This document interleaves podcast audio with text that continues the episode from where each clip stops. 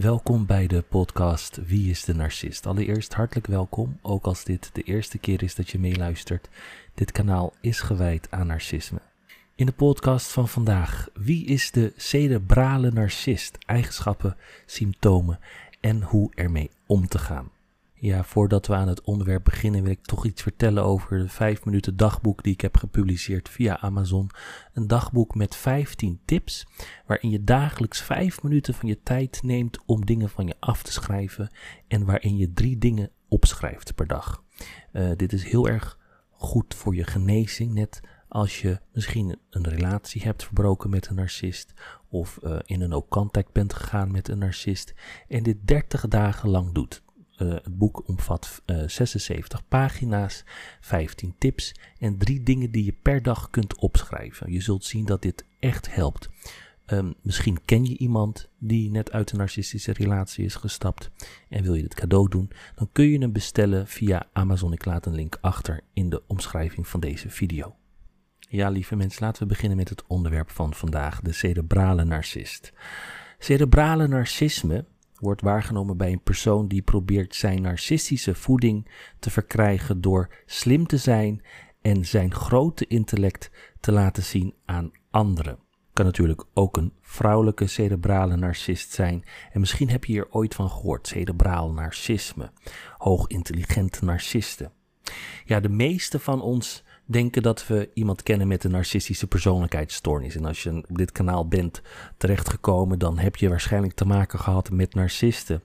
Ze zijn waarschijnlijk de Instagram-influencer, de egocentrische eikel in de sportschool, de theatrale reality-tv-ster waar we elke week een hekel aan hebben. Narcisme neemt echter vele vormen aan en ze zijn niet allemaal zo voor de hand liggend. Narcisten kunnen ook analistisch, introvert, somber en boekachtig zijn. Bijna precies het tegenovergestelde van wat we gewoonlijk als narcistisch gedrag beschouwen. De cerebrale narcist zal je verbinden met hun genialiteit in plaats van hun charme. Dit maakt ze echter niet minder bedreigend en in feite geeft hun superieure of waargenomen superieur intellect hen een gevaarlijk opgeblazen ego. Wat is een cerebrale narcist? Laten we beginnen met wat een cerebrale narcist is, omdat ze niet altijd gemakkelijk te herkennen zijn. In tegenstelling tot je typische narcist, ook wel somatische narcisten genoemd, zijn ze waarschijnlijk niet ijdel over hun uiterlijk en scheppen ze niet op over financieel succes of hun seksuele veroveringen. Sterker nog, cerebrale narcisten hebben soms weinig tot geen interesse in seks, omdat ze anderen beschouwen als intellectueel onder hen en intelligentie de grootste opwinding voor hen is, is het moeilijk om een partner te vinden tot wie ze zich aangetrokken voelen. Vaker wel dan niet zijn cerebrale narcisten erg intelligent, wat een eigenschap is die de meeste van ons bewonderenswaardig vinden. Hoewel cerebrale narcisten in tegenstelling tot de gemiddelde eierkop cognitief vermogen zien als een vorm van macht en een methode om het te verwerven. Hun intellectuele bezigheden gaan niet over het verkennen van hun persoonlijke interesses of het verbreden van hun kennis ten behoeve van de mensheid. Het is duidelijk en eenvoudig om over anderen te heersen. Goed, wat zijn de tekenen van een cerebrale narcist? Allereerst intelligentie. Gezien de definitie van een intellectuele narcist zou je kunnen aannemen dat ze allemaal een zeer hoog IQ hebben. Dit is vaak waar, maar niet altijd zo. Net zoals veel somatische narcisten niet rijk, machtig of mooi zijn, ze geloven dat ze dat wel zijn. Om hun kennislacunes te dichten, voeren cerebrale narcisten misschien alleen gesprekken waarvan ze weten dat ze kunnen domineren. Ze grijpen ook de kans aan om te bewijzen dat iemand anders het bij het verkeerde eind heeft, hoe triviaal het onderwerp ook is, zolang ze er maar intelligenter uitzien dan hun leeftijdsgenoten. Ze moeten intellectueler overkomen dan alle anderen. Cerebrale narcisten zullen ingewikkelde technische woorden gebruiken in een gewoon gesprek.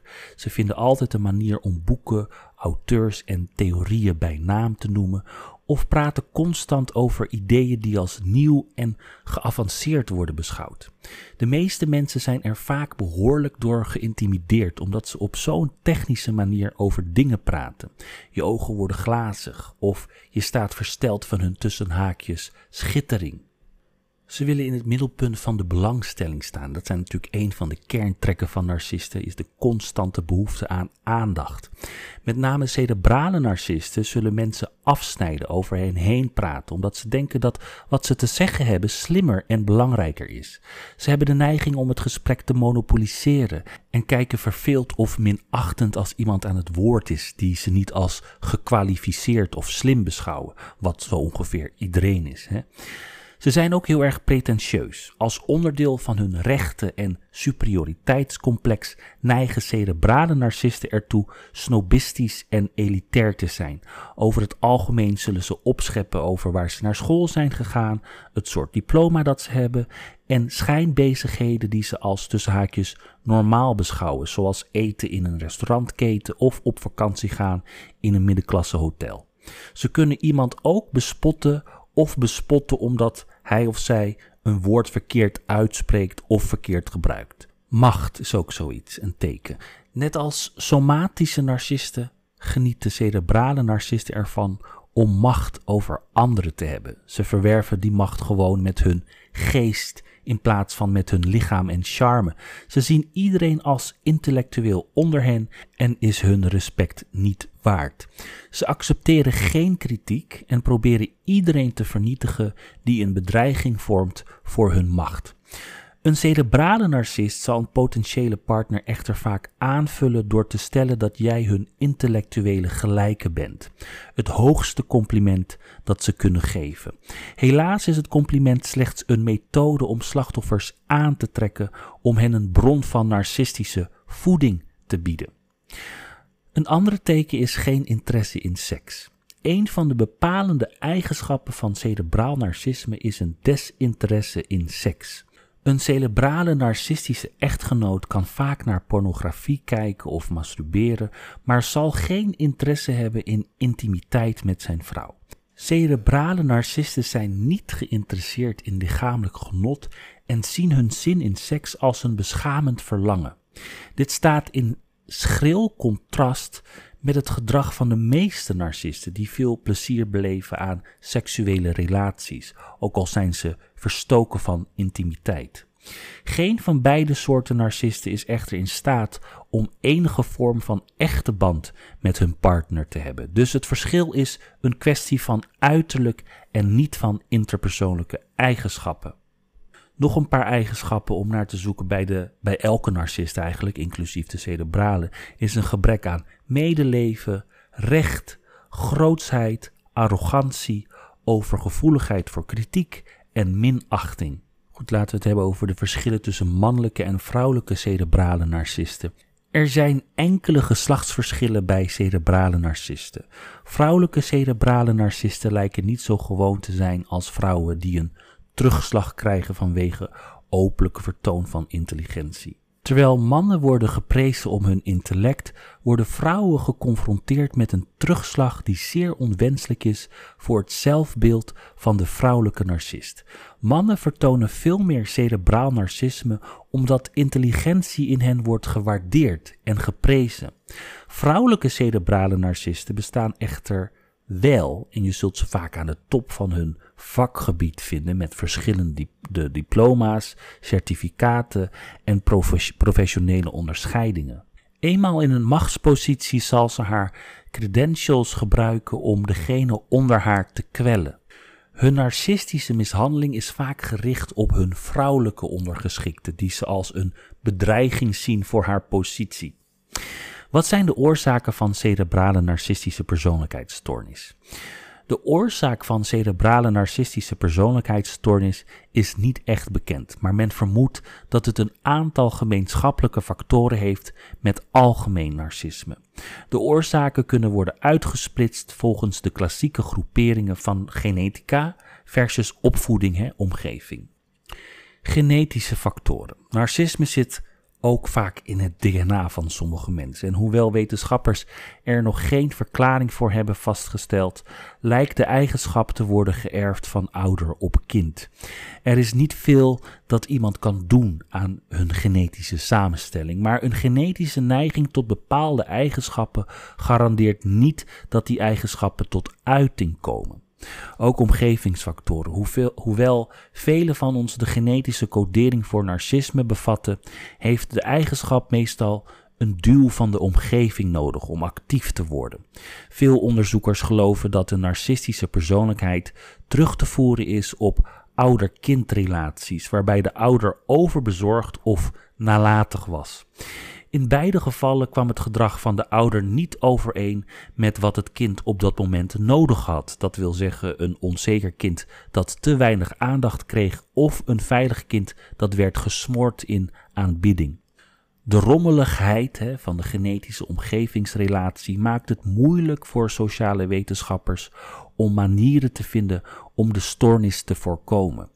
Narcistische volwassenen beginnen in hun tienerjaren gedrag te vertonen, wat wordt aangezien voor de normale humeurigheid en egocentrisme die kenmerkend zijn voor die leeftijd.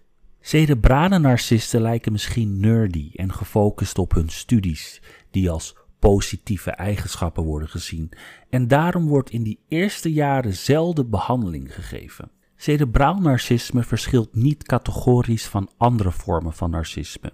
Veel van de eigenschappen die ertoe bijdragen dat je een narcist bent, worden als positief beschouwd, zolang ze niet overdreven zijn, zoals ambitie, een hoog zelfbeeld en zelfvertrouwen. Het zijn eigenschappen die ertoe bijdragen een gelukkig en gezond individu te zijn. De negatieve kant van narcisme is hoe de narcist de mensen om hem heen waarneemt en behandelt. Als je denkt dat je partner of iemand in je omgeving een cerebrale narcist is, is de kans groot dat je gelijk hebt. Vooral als je de drie stadia van narcistisch misbruik hebt meegemaakt. Hè? De cyclus van idealisering, devaluatie en de afdankfase, de weggooifase, de discard. Narcistisch misbruik komt in vele vormen voor. Hè? Gaslighting, inbreuk op de privacy, verwaarlozing en emotionele chantage. Echter, cerebrale narcisten zullen eerder verbaal geweld gebruiken, dat jouw intelligentie vernedert en hun eigen intelligentie verdedigt. Als ze vinden dat je een intellectuele tegenhanger bent, zal je relatie een eindeloze competitie zijn. Cerebrale narcisten zijn echter niet zo verschillend in de manier waarop ze hun slachtoffers misbruiken. En ze volgen het patroon van idealisering, devaluatie en afdank dat alle narcisten doen. De idealisering is aan het begin van een relatie overladen narcisten hun partners met lof om ze zich speciaal te laten voelen. Cerebrale narcisten waarderen intelligentie boven alles en ze kunnen zich niet voorstellen samen te zijn met iemand die minder intelligent is dan zij. Ze zullen hun liefde voor alles wat beschaafd en intellectueel is willen delen, terwijl ze je ook verslaafd willen maken aan hun zelfrespectverhogende krachten. Dan hebben we natuurlijk de devaluatie. Zodra de cerebrale narcist grip op je heeft, zullen ze je een paar treetjes omverwerpen. Niemand kan hun intellectuele gelijke zijn en een van de beste manieren om zich superieur te voelen over hun intellect is door anderen in discrediet te brengen. Ze kunnen je in je gezicht dom noemen, je vernederen in het bijzijn van vrienden of gewoonweg al je beslissingen in twijfel trekken. Ze willen dat je weet dat je niet gerespecteerd wordt en dat de enige manier om dat terug te krijgen is door de intelligentie van de narcist te prijzen. Dan hebben we de afdankfase, de weggooifase. Hè? Zelfs met constante lof geven de meeste narcisten hun partners op en gaan ze verder met nieuwe slachtoffers. Het afdanken van de cerebrale narcist is bijzonder schokkend omdat het vaak plotseling en definitief is. Je waargenomen gebrek aan intelligentie maakt je waardeloos in hun gedachten. Dus het is minder waarschijnlijk dat de cerebrale narcist terug zal keren naar de relatie. Goed, wat is het verschil tussen een verborgen narcist en een cerebrale narcist? Verborgen en cerebrale narcisten worden vaak verward Hè? Niet alleen omdat ze op elkaar lijken, maar ook omdat cerebrale narcisten verborgen lijken in hun narcistische neigingen. Verborgen narcisten zijn meestal introvert. Ze doen geen poging om in het middelpunt van de belangstelling te staan. Het zijn geen diva's, de artiesten of het leven van het feest. Hun negatieve gedrag is gericht op degenen die dicht bij hen staan. De mensen die het potentieel hebben om hun precaire gevoel van eigenwaarde te verstoren. Verborgen narcisten zijn meestal niet zo overdreven tijdens de idealiseringsfase, wanneer liefdesbombardementen gebruikelijk zijn. Hè. Ze lijken vaak gevoelig en bedachtzaam in plaats van charmant en gezellig. Ze verschillen echter niet zoveel van openlijke narcisten in de fase van devaluatie en afdanken. Ze zijn net zo goed emotioneel verwaarloosd geven hun partner de schuld van hun eigen fouten en vernederen hen om zich belangrijker te voelen. De belangrijkste overlap tussen verborgen en cerebrale narcisten is dat ze allebei worden gezien als stil en introvert. Verborgen narcisten hoeven echter niet bijzonder intelligent te zijn of gefocust op intellectuele bezigheden. Ze zijn gewoon niet zo extravert als openlijke narcisten.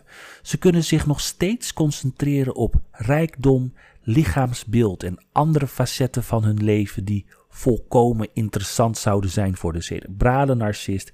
Cerebrale narcisten zijn in dit opzicht duidelijk gescheiden. Hoe om te gaan met een cerebrale narcist? Een cerebrale narcist lijkt altijd nog een truc in petto te hebben, een laatste verpletterende argument die ze of een tactiek in een ruzie.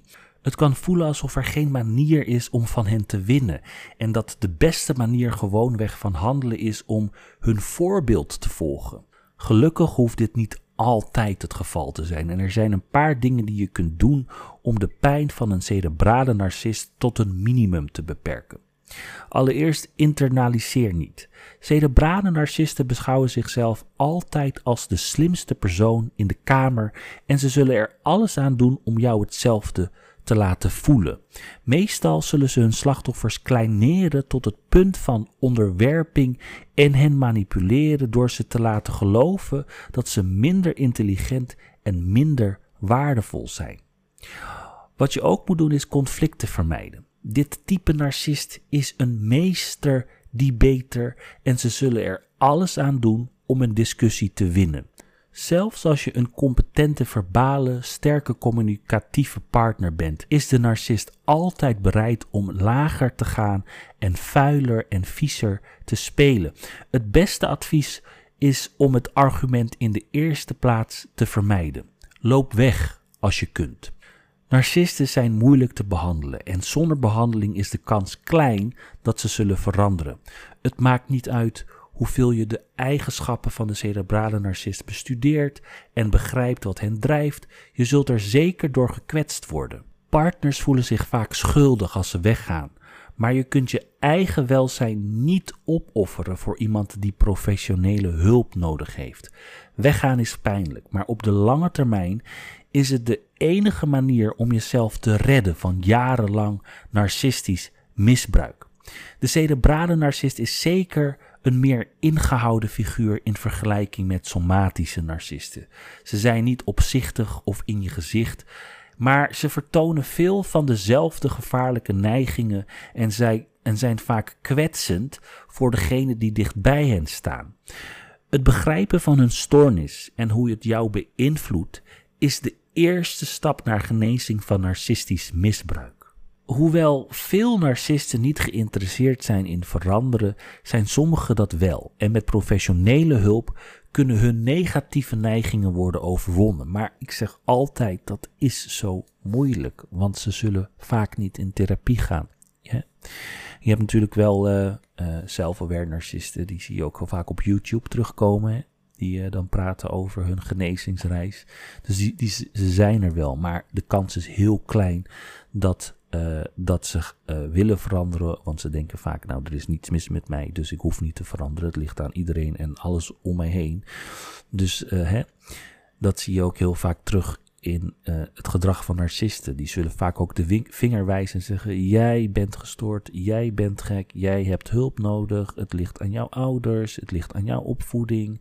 Uh, jij bent zus en zo opgevoed en noem maar op. Dus eigenlijk projecteren ze hun eigen gedrag naar hun partner toe of naar iemand in hun vriendenkring. Als je in een relatie zit met een cerebrale narcist, dan moet je eigenlijk vermijden deel te nemen aan hun intellectuele tirades. Het is hun onzekerheid.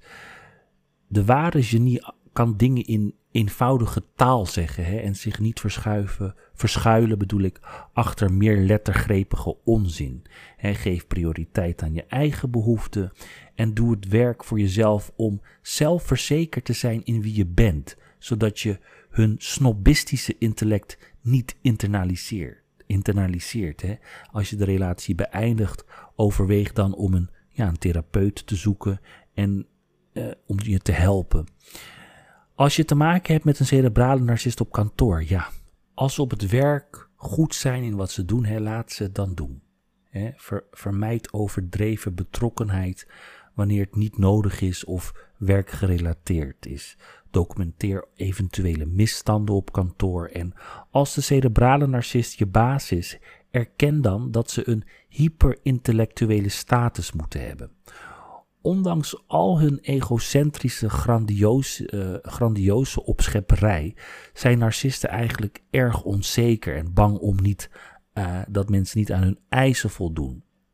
Met andere woorden, de narcist is de onzekere. Dus sta niet toe dat ze je het gevoel geven dat je minder geschoold of onbekwaam bent. Ja, je hebt ze natuurlijk ook in vriendschappen, hè, bij een vriendschap. Als je een vriend hebt die een cerebrale narcist is, bescherm jezelf dan tegen hun woorden en probeer niet je waarde of intellect te bewijzen. Je zult nooit een argument winnen of op een punt komen waarop ze toegeven dat je gelijk hebt. Dus leer het los te laten. Narcisten hebben een publiek nodig. Dus als je weggaat of wegloopt of van onderwerp verandert, zullen ze waarschijnlijk worden ontwapend. Hoe meer mensen bij de eerste gelegenheid weggaan en niet blijven kruipen voor hun, hoe minder dit gedrag wordt ingeschakeld of geactiveerd. Het komt erop neer dat wanneer iemand slimmer lijkt of continu de spot drijft met je intelligentie, dit onzekerheden kan veroorzaken. Dus het is belangrijk om de motivatie van de cerebrale narcist in gedachten te houden, omdat narcisten een diep gewortelde schaamte en onzekerheid hebben, proberen ze natuurlijk een ander te devalueren om aan de macht te komen. Afhaken, weglopen is de beste manier om met narcistische persoonlijkheid, uh, mensen met een narcistische persoonlijkheidsstoornis om te gaan. Dus ja, dat was het onderwerp voor vandaag, lieve mensen. Ik hoop dat het een interessant onderwerp is geweest voor vandaag. Als dat zo is, laat je comments achter in de commentbox via het YouTube-kanaal Wie is de Narcist. Abonneer op het kanaal, deel deze video, dat stel ik altijd uh, zeer op prijs. Uh, ja, en nogmaals, ik zal de link naar het 5 minuten dagboek in de omschrijving uh, uh, zetten onder deze video. Dus als je interesse hebt om dit 5 minuten dagboek te bestellen of aan iemand cadeau te doen, klik dan op de link en dan kun je hem via Amazon bestellen. Bedankt voor het luisteren voor vandaag, lieve mensen, en tot de volgende keer.